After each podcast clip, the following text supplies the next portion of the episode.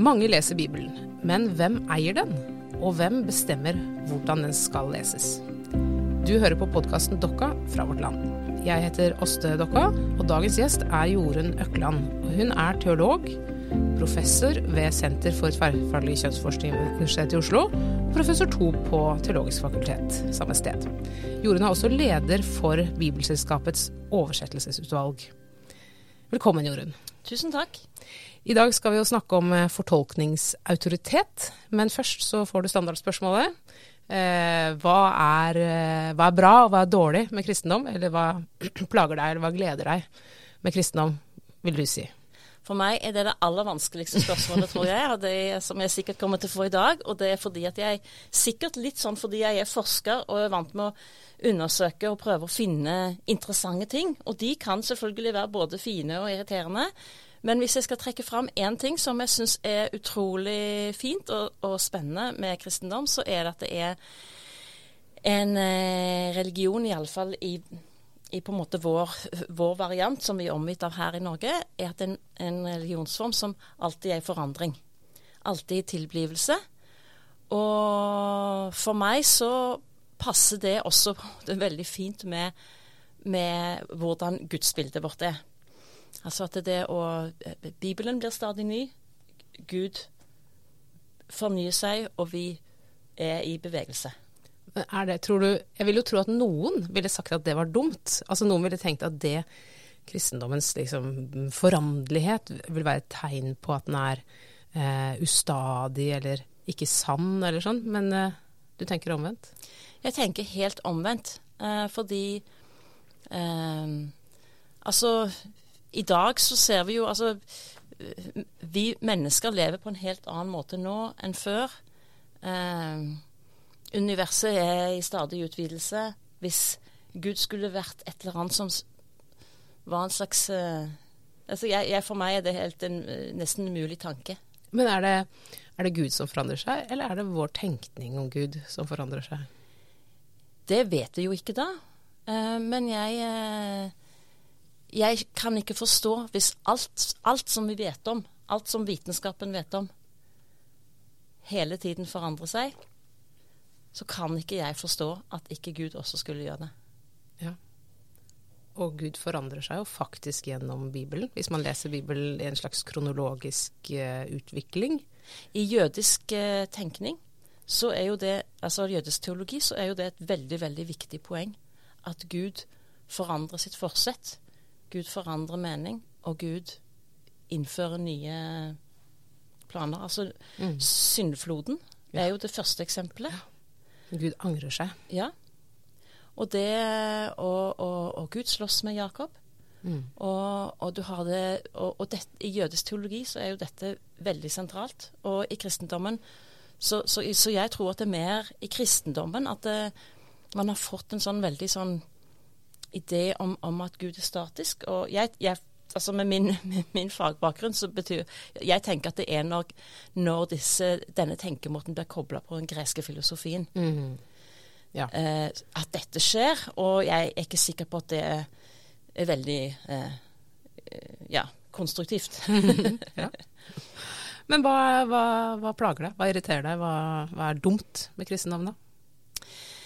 Nei, da går det jo mer på sånn uh, Sånn uh, fra dag til dag i på en måte ulik kristen praksis. Og nå er vi liksom inn fra universet og ned på gata, liksom. Mm. Og da er det sånn nettopp det at, at folk uh, kristne veldig raskt tar liksom tenker at de tar Guds perspektiv på ja. ting. At det, liksom, vi må se ting fra Guds perspektiv. Og det er jo alltid identisk med deres eget. Ja. og det syns jeg ofte blir ganske slitsomt. Fordi, som om de andre kristne liksom ikke har det, da. Altså det blir noe veldig, veldig sånn eh, personlig og privat. Man tar liksom Gud som gissel for ens egne eh, Altså, og det, det Altså alle, alle, må, alle må tilegne seg dette her på forskjellige måter, men det er liksom noen som uttaler veldig klart at det er de ja. sitter med Guds perspektiv, i motsetning til de andre. Det, men jeg syns jo av og til eh, det er en slags type fromhet hos folk som hevder det. Hvor de sier sånn Jeg skulle ønske jeg kunne si ja til gjengifte. men dessverre så Og det smerter meg å si nei, men jeg må Jeg, jeg vil bare eh, liksom jeg, jeg, må forholde meg til det som står i Bibelen. Eh, altså de har, det virker som om de, de, selv opplever en, eller i hvert fall uttrykker en diskrepans mellom sitt eget liksom, hjerte, hva de hadde ønska seg å si, og hva de føler seg forplikta til å si. Men tror du på det? Um, kanskje Kanskje mangler de bare litt grann sånn uh, fortolkningskompetanse. Mm. Altså, det er veldig mye altså Dette kommer vi jo kanskje inn på, men det er jo mm. veldig mange oversettelser av enkeltord og setninger i, i Bibelen som, som, jeg tenker at vi må, vi må, oversette sånn og sånn. Det høres forferdelig ut. Det er totalt politisk ukorrekt i dag. Men sånn står det. Men det betyr jo ikke at jeg føler at jeg må stå for innholdet i den setningen. Selv om jeg mener at det, si, det norske folk har krav på å vite hva det står her. Så hva, hva, hva, meningen er i grunnteksten. Ja, At man må skille mellom eh, hva som står i eh, bibeltekstene, og hva vi holder for sant, rett og slett. Ja, det kan du godt si. Mm. Ja, igjen dette her med universet i bevegelse. Mm. Men vi, nå er vi, sklir over i i tematikken som vi skal snakke om i dag. For det jo, dette berører jo hvem som har Hvem som har på en måte eh, autoriteten til å si hva som er god bibellesning. Eh, og dit skal vi. Men først vil jeg gjerne høre Kan du fortelle litt om din egen vei til eh, Jeg regner med Altså du er bibelforsker. Jeg regner med at du har eh, det, det, ikke var tilfeldig eh, at du ble det. Og at du har gått en eller annen vei med Bibelen som har vært viktig for deg personlig. Kan du si noe om det? Ja. Um, jeg uh, Altså, jeg tror kanskje at det var viktig at jeg hadde en veldig sånn uh, Litt sånn, hva skal vi si, gammeldags lærerinne når jeg gikk på barneskolen. I seks år, den samme. Og, og da skulle vi lese Bibelen, altså. Eh, så da, Jeg skal ikke si at vi leste hele, men vi begynte på første Mosebok, og så husker jeg ikke helt hvor langt vi kom. Og så syns jeg egentlig at det var Kanskje et godt stykke ut i tredje? Eh. Nei, jeg tror vi kom lenger enn det. Ja. Altså, så, vi, så, det var rett og slett mye lesing av, direkte av tekst. Uh, og det var fryktelig mye rart. Og da var det 1930-oversettelsen, da? Uh, ja, det var vel det. Ja. Ja. Mm. det er jo utrolig. Det har jeg ikke tenkt på. Ja. um, men, uh, men det, det gjorde vi. Um, og det var jo Jeg tenkte ikke så mye over det der og da. Men jeg tror nok at det må ha satt veldig uh, dype spor. Um, sånn at jeg fortsatte liksom å være så interessert i dette her. Så selv om jeg da kom liksom ifra Eller begynte i Ynglingen i Stavanger mm, Det er KFK-KFM? Ja. ja.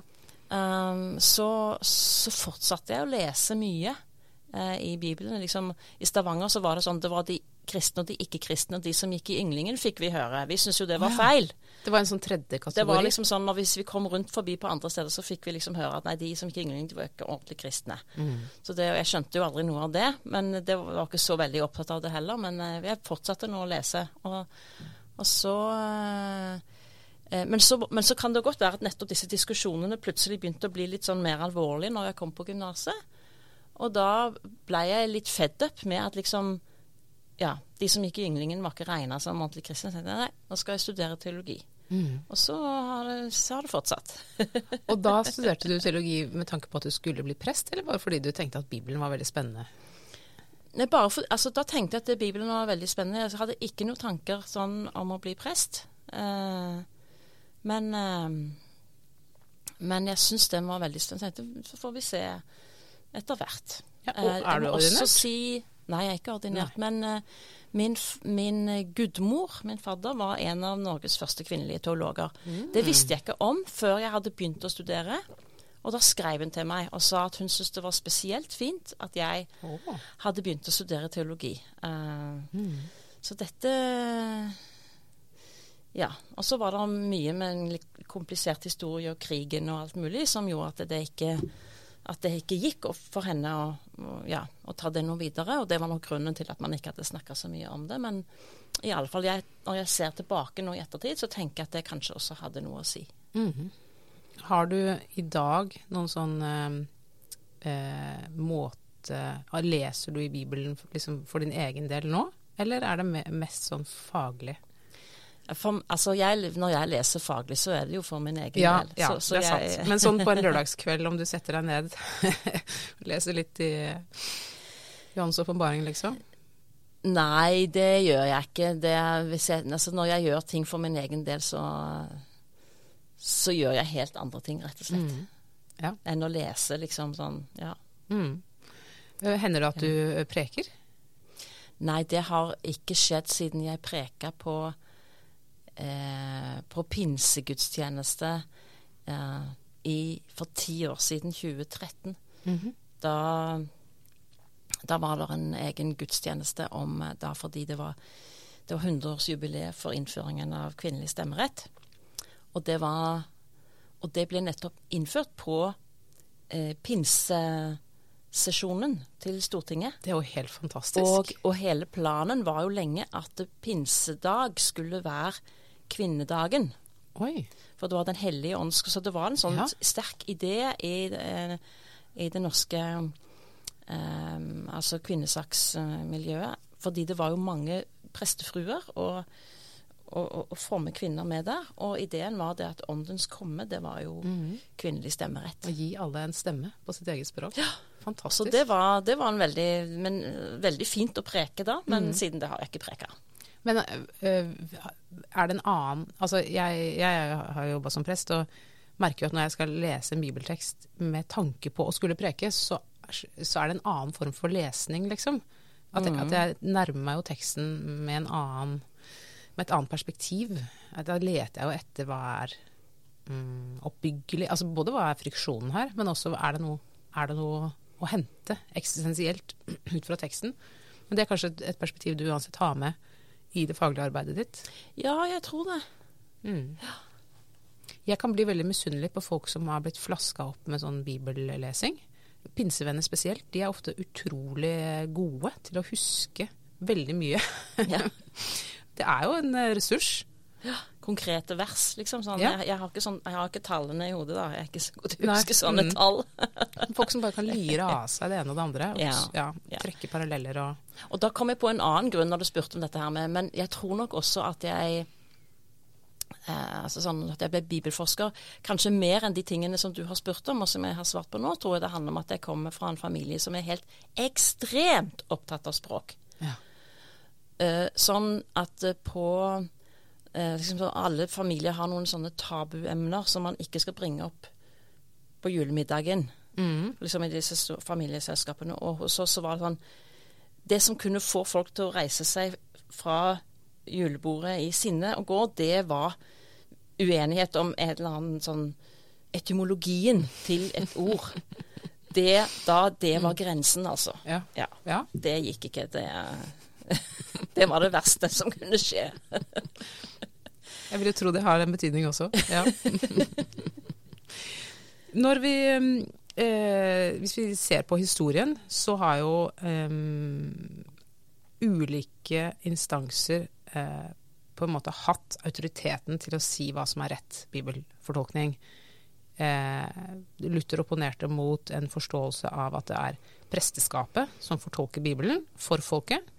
Og han oversatte jo eh, i hvert fall Nytestamentet, kanskje til og med Det gamle testamentet, det husker jeg ikke, til tysk. Eh, som den første komplette oversettelsen. Så vidt jeg kan huske. Nå sitter hun og nikker, så jeg regner med at dette ikke er altså, helt feil. Han, han oversatte Nytestamentet selv først. Ja i løpet av en veldig kort periode. Ja. Og så etterpå ble det Gammeltestamentet, og da var det kanskje andre som var litt mer ja. med og hjalp, men, men mm. ja. Og dermed så eh, Sånn som jeg har forstått det, så jo, var jo det en eh, eh, ikke sant? Det er å sette fortolkninga fri til det kristne fotfolket, eh, det han gjorde. Eh, og så eh, har det jo gått masse tid siden det. og så, så, har vel kanskje i dag forskerne en viss egentyngde i å si hva betyr dette, og og, og, også i å på en måte velge hva som er riktig lesemåte. Er det en, skal vi ha en, en historisk kritisk lesemåte som forteller oss hva, hva, hva, teksten på en måte prøver å beskrive, og, og, finne ut hva som er riktig der, eller er det andre eh, lesemåter? Um, hvor vil du si at uh, i dag, hvem er, som eier, hvem er som eier Bibelen? Er det kirka? Er det et bibelselskap? Er det folket? Er det Altså, jeg tenker at uh, i dag så er det vel ja, ingen som eier Bibelen. Mm. Eh, og, eh, og, igjen så syns jo det at det er, er veldig fint. Um, jeg tenker jo at Bibelen kommer til å, å si, overleve kirka. og det er noen kolleger av meg som er litt sånn, litt sånn for moro skyld har, har, gjort søk på, på, hvor ofte ordet kirke, eller kirka, eller kirken, eh, forekommer i, i, norske aviser siste ja, en, en, over en lang periode, og, og, hvor ofte Bibelen forekommer mm. som ord. Og da er det sånn ikke bare forekommer Bibelen mye oftere, men at det, forekomstene har en en økende tendens, mens, mens eh, referanser til kirke i, i, norske medier er veldig fallende. Så det er i ferd med å bli en sånn um, ja uh, en veldig liten sektor. Så hvis, hvis, på en måte man hadde sagt at Bibelen tilhører kirka, så hadde Bibelen uh, Hva skal vi si uh, kanskje møtt en trist skjebne ikke så altfor lang framtid. Ja. Mens, eh, mens, nettopp fordi at den i økende grad blir diskutert Ja, nå er det jo litteraturfestival på Lillehammer.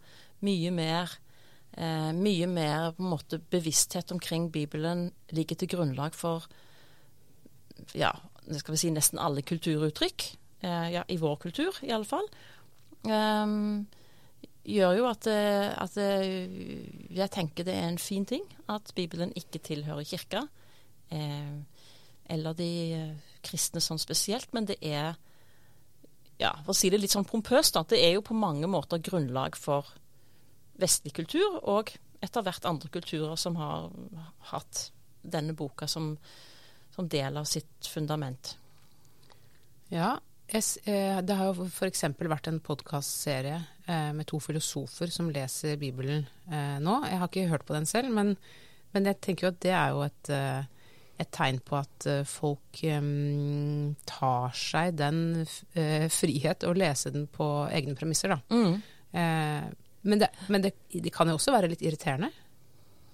Altså, det, jeg tenker at Noen ganger så er det en Altså ikke den podkasten spesielt, og ikke det fenomenet for så vidt, men det hender jo at folk liksom leser Bibelen som om den ikke hadde hatt noen fortolkningshistorie, virkningshistorie, resepsjonshistorie. Eh, øh, og da, da, tenker jeg at da har man også mista kanskje noe av um, ressursene for å Altså teologer har jo tenkt på disse tingene i 2000 år. Det kunne vært kjekt å låne et lite øre den veien, kanskje, for noen som gir seg i kast med disse filosofene som leser Paulus nå. Jeg vet ikke hvor orientert de er om teologien. Ja, og altså Jeg er jo på en måte enig i det, men altså først så må det være en interesse og skape sin interesse. Og så er det jo da igjen den her måte, hermenautiske sirkelen der. Så kan man ja, å ja, noen har kanskje tenkt noe om dette før, ja. Dette kan vi jo gå og sjekke. Og så, så er det jo mange som da blir plutselig opptatt, veldig opptatt av mm, Augustin, eller altså sånn gjennom, gjennom, en sånn en utforsking. Men jeg tenker dette her er jo også for for andre folk som ikke da er innenfor en kirkelig sammenheng, en slags hermenautisk sirkel. Som de må på en måte få lov til å gå på sine egne premisser, eller hva jeg skal si. Og, og, og jeg syns jo selv at det der er så lite eh, Det er så lite igjen av den type bibelkunnskap som som, eh, som prester og teologer tradisjonelt måtte ha. Mm. At jeg vet ikke om det er så veldig mye bedre. Nei, men la oss, hvis vi tar et konkret eksempel som falt meg inn i hodet akkurat nå. Galatbrevet 3.28 er det vel, så sier Paulus uh, her er ikke mann og kvinne. Her er ikke jøde eller greker. Mm -hmm. og uh, hva er det siste? Slave eller fri? Vi er alle, eller dere er alle ett i mm. Kristus Jesus. Det er jo et vers som brukes mye eh, for, eh, når folk skal si noe om at eh, kristendommen tilbyr en ny identitet som eh, er egalitær, eh, som går på tvers av eh, samfunnets normer osv. Et frigjørende, frigjørende perspektiv og et radikalt perspektiv. Og det, det er sikkert på et eller annet nivå sant. Samtidig så har jeg jo lest forskere i helt andre fortolkninger av det bibelverset, eh, som slettes ikke er spesielt kvinnefrigjørende. Eh, og da kan vi jo lure på hvem, hvem skal få lov til å ha rett om det, f.eks. Ja eh, Altså Hvis du tenker på det i forhold til altså, det, dette med om man skal kunne bare plukke opp Bibelen i en uh, Narvesen-kiosk og begynne å lese og tenke hei, jeg har tolkningen og jeg har meningen her, eller om man må liksom ha studert i, i mange år for å vite om de ulike liksom, konfliktlinjene som ligger under den teksten. Um, så uh, så tenker jeg på en måte at, eh, at begge deler er sanne av de to alternativene. Og det tenker jeg på et eller annet vis at de må være. Eh, delvis fordi at hvis ikke bibelteksten hadde hatt innebygd disse her enorme spenningene, så tror jeg ikke den hadde vært så interessant. Eh, og da hadde den ikke hatt dette herrene bevegelseselementet som jeg er opptatt av. Hvis den hadde vært, altså hvis den hadde vært én mening, og den hadde vært klar for alle, og Galatane 328 betyr det, punktum finale. Altså mm. Da hadde vi mm. leser, så hadde vi glemt det, og så hadde vi liksom ikke brydd oss noe mer med det. Eh, eventuelt brukt andre til å slå, hod, eh, slå i hodet med det. Og, men, men, det er jo noe med altså Jeg tenker at noe av det som gjør at Bibelen hele tiden faktisk greier å eh, ja, også fornye seg og være interessant å være interessant på nye måter i nye kulturer og tider, er jo noe med at en har noen sånne innebygde eh, innebygde spenninger eh, som hele tiden eh, driver, driver lesninga videre. Og, og, eh, og, jeg vil ikke ha noe problemer med å skrive under på begge de to lesningene mm. av det verset. Mm. Eh, så å si at den ene er rett og den andre er feil, det er ville jeg aldri kunne gjøre. Mm. Um, og det er fordi at det liksom OK, den er et forsøk, det verset er et forsøk på å, å, å, å snakke om noe som er helt nytt, og som er på en måte utenkt og umulig i en hierarkisk kultur. Og, og så, nå skal vi alle være ett, og her skal vi ikke ta hensyn til det. Og så, og så vet vi jo at det, slaver, slavefri eh, mannlige og kvinnelige jøder og grekere at de, de, du kan ikke utslette de sosiale forskjellene i den forsamlingen bare sånn, med et knips. Mm. Um, uh, og, det, og, og, man kan jo ikke glemme det fra en dag til neste, så de fortsetter jo å være der. Men det setter opp, det setter opp et ideal for hvordan ting skal være. Og så lever det idealet i spenning med de sosiale strukturene der, uh, som fortsatt fins. Um, så, så, så, jeg tenker at det er liksom en hva, hva vil man snakke om? Hva, mm. eh, hvor vil man legge vekten? Og når man, les, når man, leser det første gang, så ser man jo best idealet, selvfølgelig. Mm. Og så er det jo da kanskje noen bibelforskere som har forska på historie, som kanskje Ja, men det var jo ikke så mm. eh, lett heller. Da, da, mm. fantes jo sosiale hierarkier mellom folk som satt i den menigheten. Ja, og som også blir befesta av den samme forfatteren eh, andre ja, steder. Ja. Mm. Men dette er jo interessant, fordi noe av det du sier nå, eh, det får meg til å tenke på Jeg tror det er Catherine Tanner som har et poeng om at det alle kristne alle steder eh, Hvis man skal si hva er det de har til felles, hva er det som på en måte Hva er en én fellesnevner for alle kristne alle steder til alle tider? Så er det rett og slett Bibelen. Mm. Og det kan man jo mene hva man vil om. En, en kirke, kirkesamfunn kan jo si Nei da, hos oss er det liturgien som er det viktigste, eller et eller annet annet. Men like fullt, så hvis man skal se på tvers, er det Bibelen. Så den er, den er jo ekstremt stabil. Den mm. leses overalt, og har blitt lest til nesten alle tider. Eh, og samtidig så er den jo et veldig destabiliserende eh, fenomen, fordi, som du påpeker, fortolkningen er jo fri. Eh, og den, den, går i alle retninger. Eh, så, så Luther, da han sa eh, da han, da han liksom slapp Bibelen løs, så sa han jo samtidig eh, at vi skal søke i bare den ene eh, materielle eh, lesningen. Men det skjedde jo ikke. Altså, han skapte jo, eh, kanskje uforvarende, en ekstrem, et ekstremt fortolkningsmangfold. Eh, kan du si noe om det?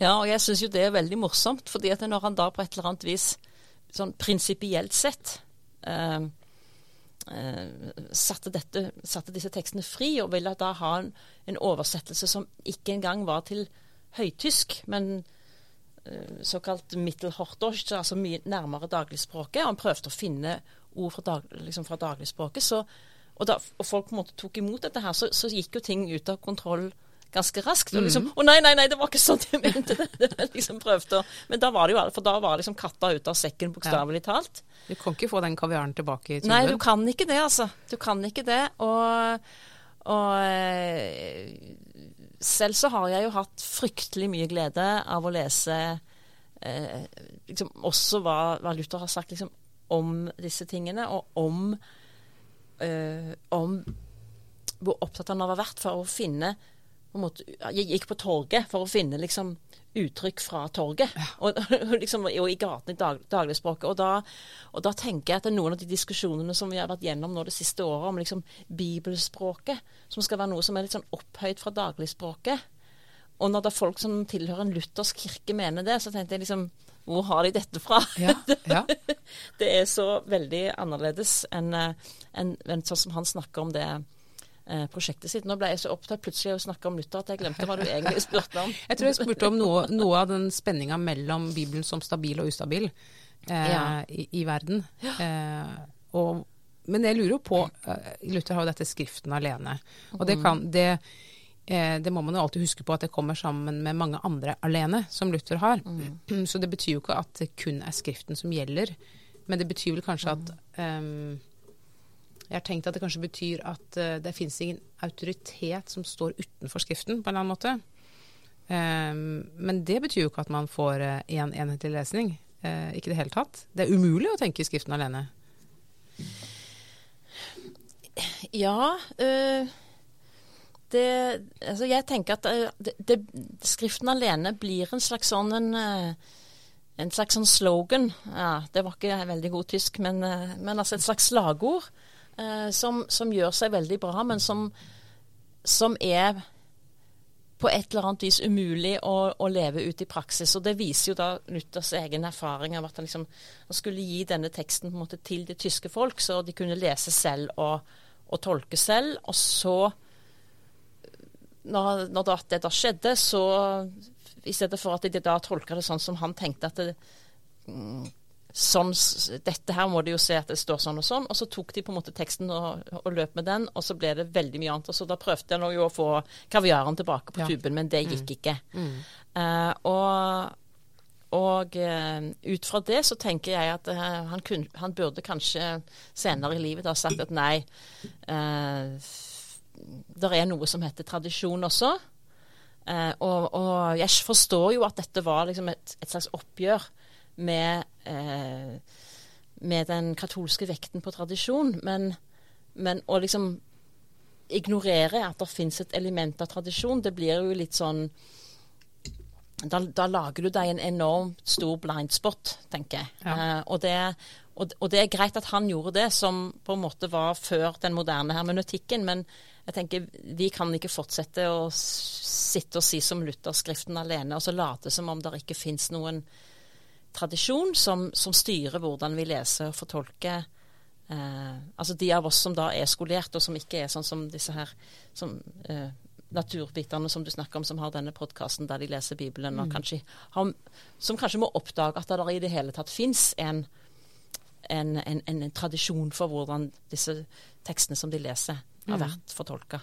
Og det har jo ganske stor betydning Den leste, lesetradisjonen har jo en stor betydning for oversettelse.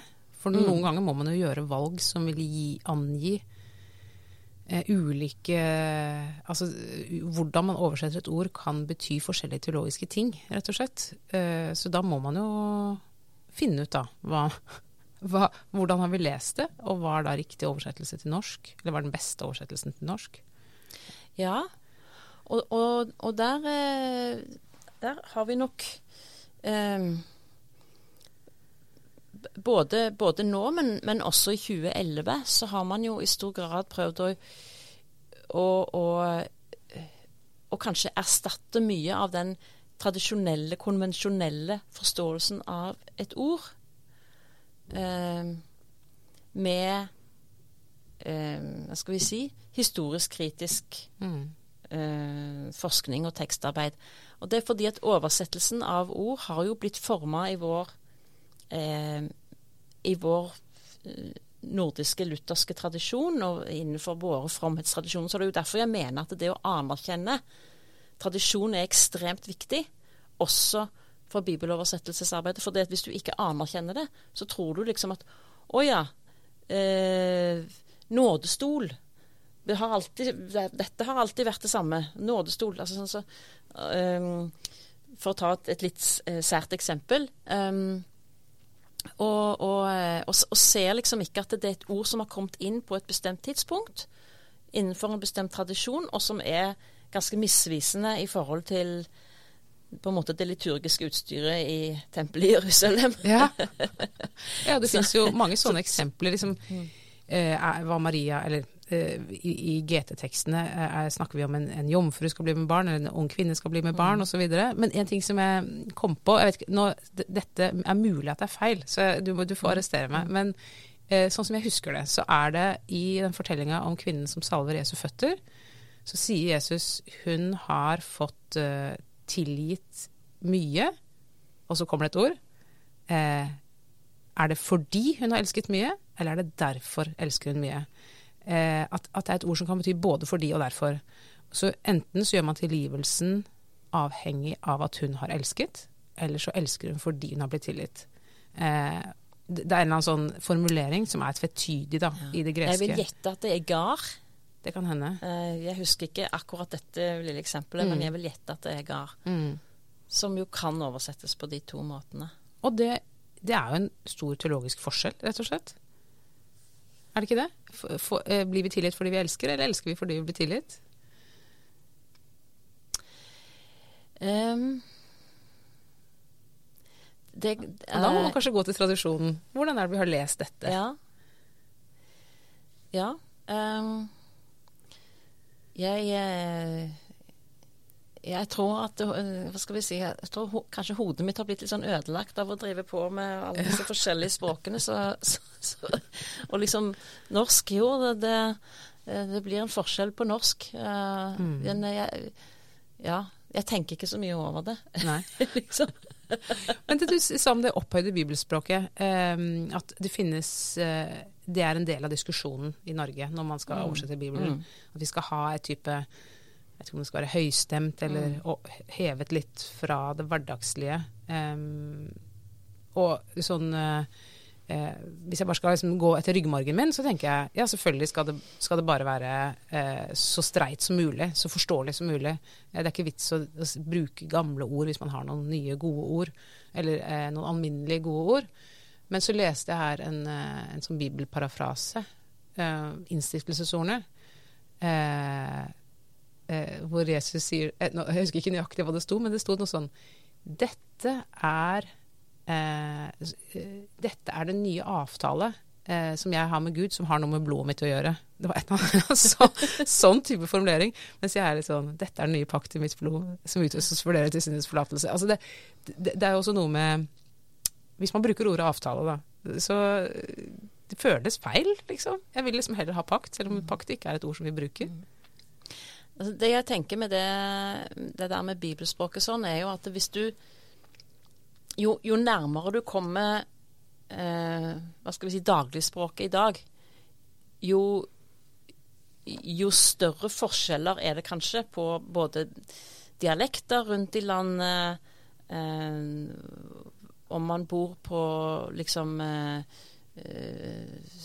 på Frogner eller eh, på liksom eh, eh, ja, eh, Stovner, holdt jeg på å si. Altså der innslaget av ord kanskje fra, fra andre språk eh, har glidd inn i dagligspråket på en helt annen måte. Så hvis du tenker at du skal lage en, oversettelse som er liksom helt opp til sånn som folk snakker i dag, i 2023, så ikke bare så er jeg redd for at man da kan på en måte prioritere én si, lokalgeografisk dialekt eller sosiolekt, på, og på en måte som da andre vil oppleve som ekskluderende. Eh, men i tillegg så vil du da skape en, eh, en, oversettelse som har fryktelig kort levetid. Altså Allerede så er det jo sånn at over, altså oversettelsene må oppdateres med jevne mellomrom for at de skal være forståelige for nye generasjoner. Um, men hvis du skaper noe som er så ferskvare som liksom dialektbruken i dag, så, så, må du liksom gjøre det omtrent hvert år. Og det, det, er ikke så gunstig. Så det å legge seg på et eller annet sted der du vet at denne, denne skal ha en språkføring som gjør at den vil være forståelig en stund, um, helst så lenge som det iallfall er verdt på en måte arbeidet som da legges i det. Um, og samtidig som at det at det skal være liksom høytidelig og, og fjernt fra dagligspråket ikke må være noe poeng i seg selv. For det skal jo mm. være det skal jo være forståelig, og det skal jo være eh, Skal jo kunne brukes.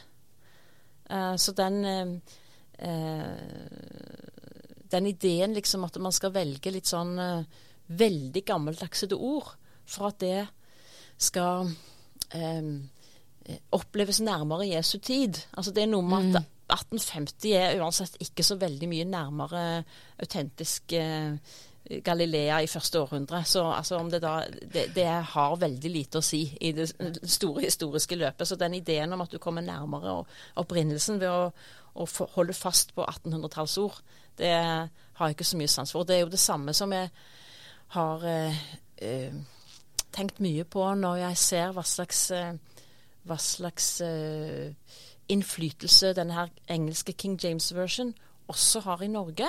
Mm. Um, at det, er, det har undra meg mye uh, hvordan, hvordan, norske kristne opplever at King James version er det autentiske Guds ord. Som mange norske kristne nå uh, tenker. Um, og, og, og den, den, første gangen jeg hadde en ordentlig diskusjon med en, uh, med en person om det, en student, så var det det at eh, de håndskriftene og det tekstkritiske arbeidet som var gjort for sånn mer moderne eh, oversettelser i regi av moderne bibelselskaper, de brukte, delvis så var det det at de brukte feil håndskrifter. Og de brukte gamle håndskrifter som egentlig da var, var kassert. Som var kasta bort i huler og sånn. Og så hadde, var det jo laga nye håndskrifter som var bedre. Eh, som da King James var basert på. Og det var jo da middelalder si, middelalderhåndskriftene. Men så var det jo også det at eh, det, det, det har allikevel en eh, Altså King James version var fra 1600-tallet, og, og, det betyr at den er jo nærmere Jesu tid enn oversettelser som blir eh, produsert så, i det 21. århundret. Da har du jo to så, argumenter som egentlig jobber mot hverandre, da. ja, det kan man kanskje si. Um, men, men, men, det, men, det, oppleves sånn at, det, at King James version er mer autentisk, mye mer autentisk enn noen moderne eh, bibeloversettelser. Sånn at eh, hvis folk av og til skriver til meg eh, I noen perioder skjer jo det ganske mye. Sånn, mm.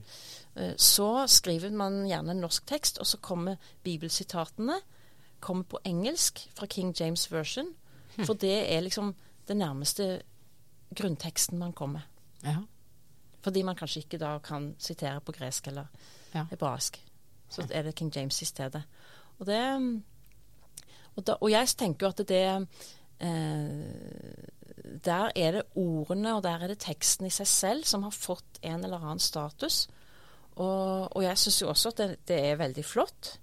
Eh, men å tenke seg at, liksom, at Gud skulle være mer til stede i den teksten enn ja, enn i, enn i, i uh, små fragmenter fra 200-tallet, eller eh, i eh, norsk, eh, det norske bibelselskapets utgave, eller norsk bibel eller hva som helst fra det 21. århundre. Det syns jeg jo er litt vanskelig å, å, å tenke meg, men, men, men, men det, er mye, altså det, er mye, interessant som skjer rundt eh, forståelsen av av, av, ordene som brukes i, i, i, teksten, om de skal være moderne eller gammeldagse. Jeg tror det er noe med den alderen, eller det gammelmodige, som gir en sånn enormt sånn ekstra autoritet, som um, opplevelse av autoritet og autentisitet, som, som da moderne, altså sånn oppdaterte versjoner jo ikke kan konkurrere med, fordi det igjen det er noe som opparbeides over tid. Mm. Sånn at når 1930-oversettelsen kom, så var jo den også på et eller annet vis ny og, radikal. Ja, ja og er, jeg tror det er en generell ting i kirka, at man tror at hvis man har noe gammelt, så ligger det nærmere det evige mm. eh, enn det nye. Men, mm. men det, er, det, det, gir jo ikke noe mening, for så vidt. Hvis man er sånn ja, men denne nattverdsbønnen er fra 400-tallet, så den må vi ha. Ja, men var, den her er fra 2023. Den kan, er det noen forskjell, liksom? For meg så er det nok eh, Altså igjen da, at jeg, jeg, er jo ganske opptatt av tradisjon. Og jeg tenker at det, det, kan, det som kan være eh, som kan sies til støtte for den fra 400-tallet, er jo at, at, eh, hvis, at den da, hvis den har da vist seg slitesterk gjennom 1600 år, um, og at den har blitt på en måte Den er neppe i akkurat samme versjon. altså Trosbekjennelsen har jo også blitt forandra mange ganger. Um, så den har sikkert blitt litt sånn polert og finslipt og forandra litt sånn småting her og der. Og når det har da pågått i en stund, så har man liksom kommet fram til noe som er brukbart mm. i dag, og som kan holde seg en stund. Mens liksom eh, sånn å Det som eh, Noe som eh, Å finne opp en ny type bønn i dag, så, så, må den kanskje da gjennomgå noen runder før den kan finne en form som kan sitte. Mm. Mm. Men at det skulle være mer hellig fordi, liksom, fordi den er gammel, eller mm. fordi den er nærmere eh, tiden da Jesus levde, Jesus levde det eh, syns jeg er vanskelig å, å, forstå. Da jeg uh, studerte teologi, så ble vi jo um, introdusert for sånne um, hva heter det for noe? Sånn fri, frigjørende les, ulike måter å, å, tenke frigjørende lesninger eh, av Bibelen mm. på. Altså man, eh, det er jo mange ulike bibellesemåter. I forskninga så har det dominerende vært lenge en historisk kritisk lesning, hvor man er ute etter type eh, sosioøkonomiske rammer, eh, historiske eh, ting, fenomener som måte, teksten forsøker å beskrive. At man går inn og prøver å liksom finne ut hva er forholdet mellom teksten og det den refererer til av konkrete ting i verden.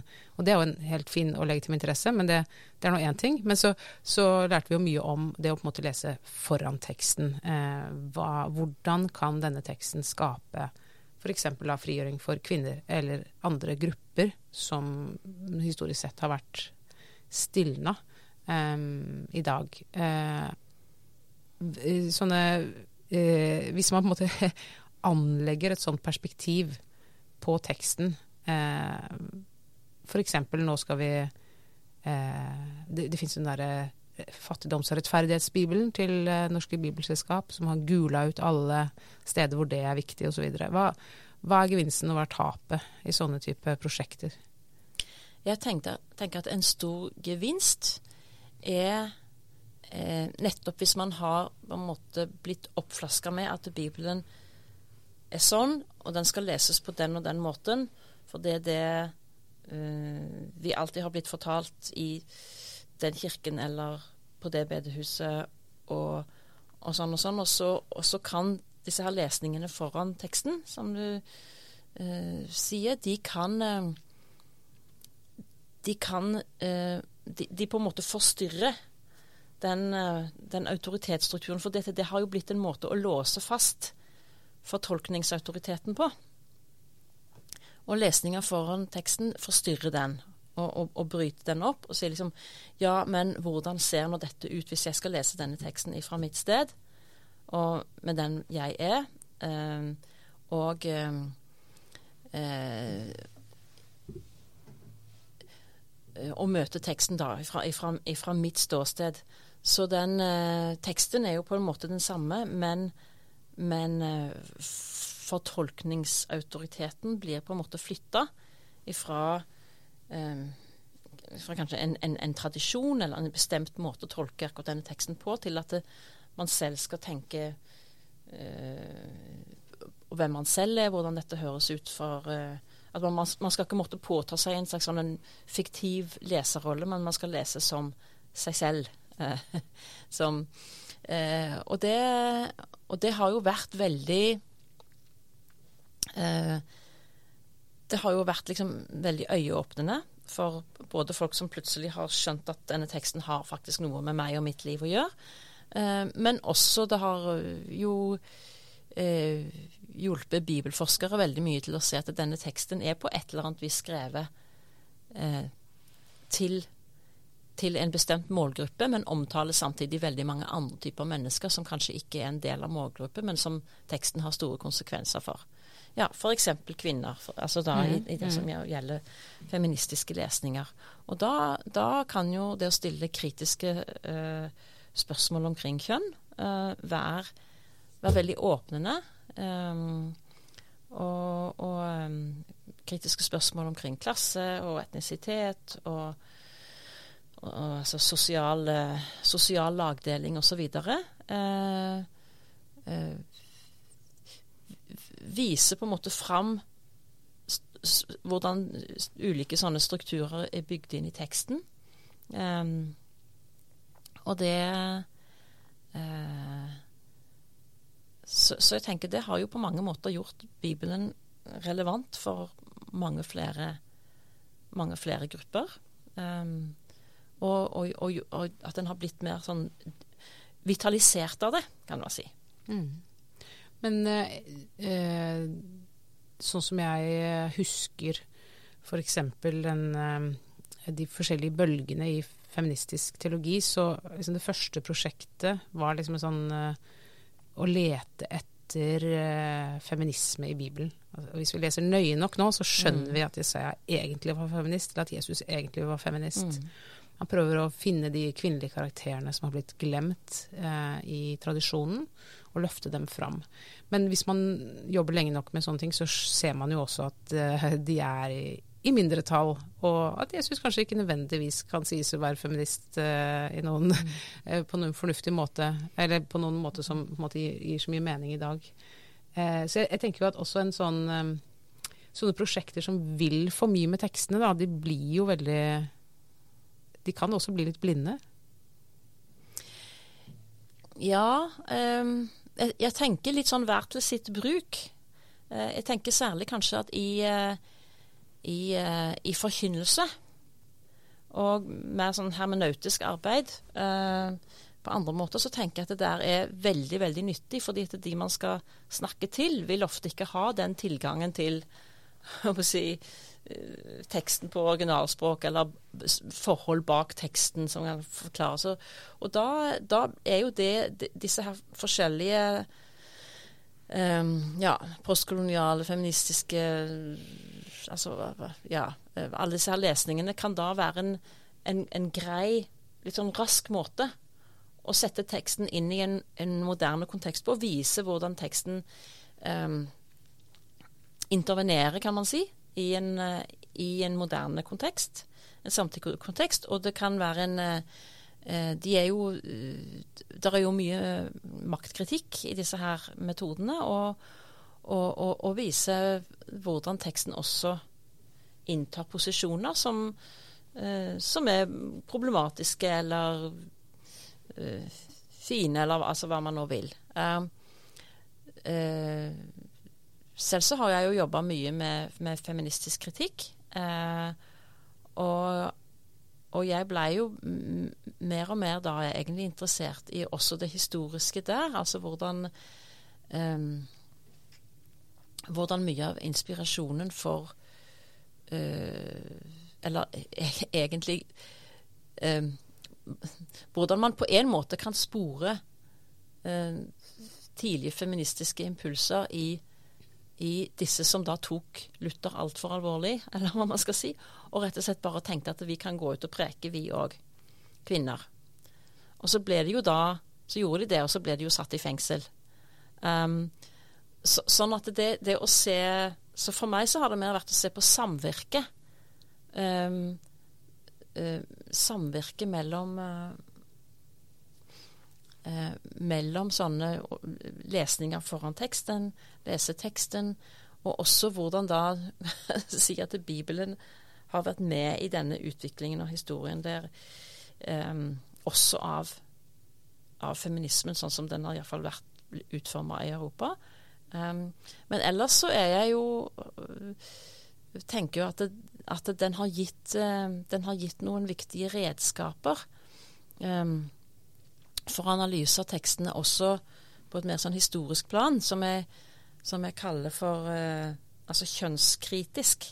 Altså sånn at du, du, du har fått Der er noen redskaper som kan si hvordan Hva slags modeller for kjønn er det som presenteres i denne teksten? Eh, fordi at eh, Vi tenker jo at kjønn er kjønn, eller kjønn er mann kvinne, eller, Men, men det er, er, veldig mange måter å forstå kjønn på. Og det har det vært historisk, og det er det jo i dag òg. Um, uh, sånn at sentralt i dette her teoriemnet på Senter for tverrfaglig kjønnsforskning som jeg underviser, så er det jo sånn Hva er kjønn? Mm. Veldig åpent spørsmål. Og så er det da massevis av ulike ideer om hva det er for noe. Um, og sånn har det også vært historisk, og det kan man få veldig godt innblikk i når man leser Bibelen. Uh, ulike forestillinger. Um, og uh, altså bare ta en så enkel ting som uh, første Mosebok 1 og 2. Uh, så har du da den første fortellingen der Gud skapte mennesket sitt bilde. Mannlig og kvinnelig. Mm. Og så har du fortellingen i kapittel 2 der det er mannen som skapes først. Uh, og så skapes kvinnen etterpå, sånn at mannen ikke skal være aleine og mm. ja, og må få litt hjelp. Så det blir liksom en sånn etter, uh, ettertanke. Og allerede der har du jo to forskjellige um, uh, forestillinger om hva kjønn er. Eh, og ikke nok med det, altså, fordi at vi har jo da tolka liksom, i, i vår kontekst så tenker vi at ja, mannlig og kvinnelig, det vil jo si mann og kvinne. Mm. Men det er jo en eh, Det er jo liksom vår fortolkning, fordi at det, i, i eh, i f.eks. i jødisk helenistisk utlegning i første århundre, samtidig med Paulus, og kanskje Paulus også, mm. så var det jo at ja, Gud skapte mennesket, mannlig og kvinnelig, det vil si androgynt. Så, ja, okay, så ikke er, to individer nei, som er forskjellige, nei. men et, et, menneske med disse kvalitetene. Ja. Mm. Eh, og som da senere blir på en måte separert til mm. en mann og en kvinne. Så allerede bare når du tar første Mosebok 1 og 2, så har du tre forskjellige kjønnsmodeller. Og det å, å, å, å studere tekstene på den måten Det er jo kanskje noe av det jeg selv syns er aller mest spennende. Um, eh, og, og eh, Derfor må jeg alltid ha med disse tekstene når jeg underviser i varekjønn. ja. mm. eh, og, og, og det, er en, eh, det er ikke det samme som å altså, Du kan si at du, mye av de kritiske redskapene kommer kanskje fra de feministiske lesningene, men det er ikke det samme som feministiske lesninger. fordi liksom, Hva skulle være det feministiske i at Ja, den ene eller den andre eller den tredje skal altså, hvilken er, liksom, si, hvilken, er best, eller hva altså, mm. det, det, blir veldig vanskelig å anvende disse kategoriene, altså feminismekategorien mm. på disse ulike modellene. Men det å prøve å forstå de, hva de eh, forstå hvordan folk har tenkt om kjønn. Um, og redskapene til det har vi kanskje fått gjennom, den, gjennom de feministiske fortolkningene. Mm. Men uh, Helt uh, til sist, Jorunn. Hvis, hvis, man tenker jeg skulle gjerne hatt mer bibelkunnskap, jeg skulle gjerne lest Bibelen, men hva i alle dager, skal jeg, hva skal jeg gjøre med det? Hva ikke nødvendigvis hvor skal man begynne å lese, men hvordan skal man lese? Eller hva skal man gjøre? Oh, Hvis man vil ha ja. skriften under huden. Da ville jeg, jeg ville jo da begynt å høre på bibelske oratorier, jeg da. Ja? ja. Da ville jeg sett, sett deg ned og høre på ja eh, Matteuspersonen, Johannespersonen, juleoratoriet, mm. hele greia. Altså da Ja. Auf Deutsch? ja, det, var, det, hadde jeg ikke tenkt på. At det var kanskje ikke så mange av de oversatt til norsk, nei. Uh, Ja, nei, da funka kanskje ikke det. Uh, uh, ja, da var det litt vanskeligere, ja. ja. Er det evangeliene som liksom er uh, det Dit man må gå først? Hmm.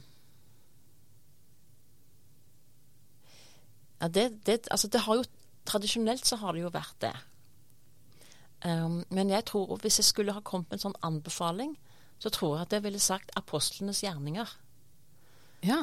Uh, fordi uh, du kan si at hvis du skal gå til Altså, evangeliene kan skape litt forvirring fordi de beskriver jo da ofte mye senere hva som har skjedd før det som er grunnen til at disse tekstene blir skrevet på en måte, nemlig at kristendommen allerede er i ferd med å bli noe.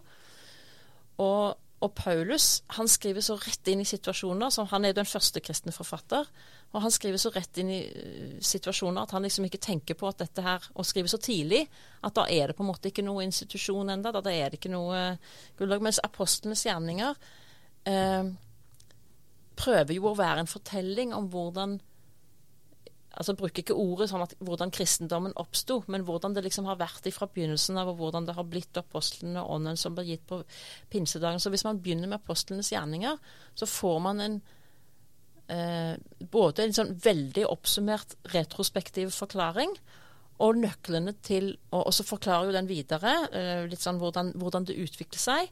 Og når man har lest den, og liksom hvordan kristendommen blir en størrelse og blir spredt rundt i verden, da har man liksom de nøklene som man trenger for å gå til både evangeliene og til Paulus. Begynner rett og slett midt i historien. Det var et godt råd.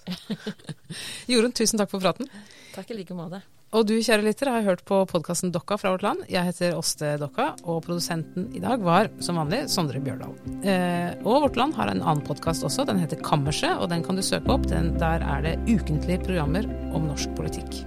Og det er veldig hyggelig å høre fra lytterne, så hvis du har lyst til å sende oss et forslag til en klok gjest, eller veldig gjerne sette en haug med stjerner på eh, denne podkasten på spilleren din, så blir vi glad for det.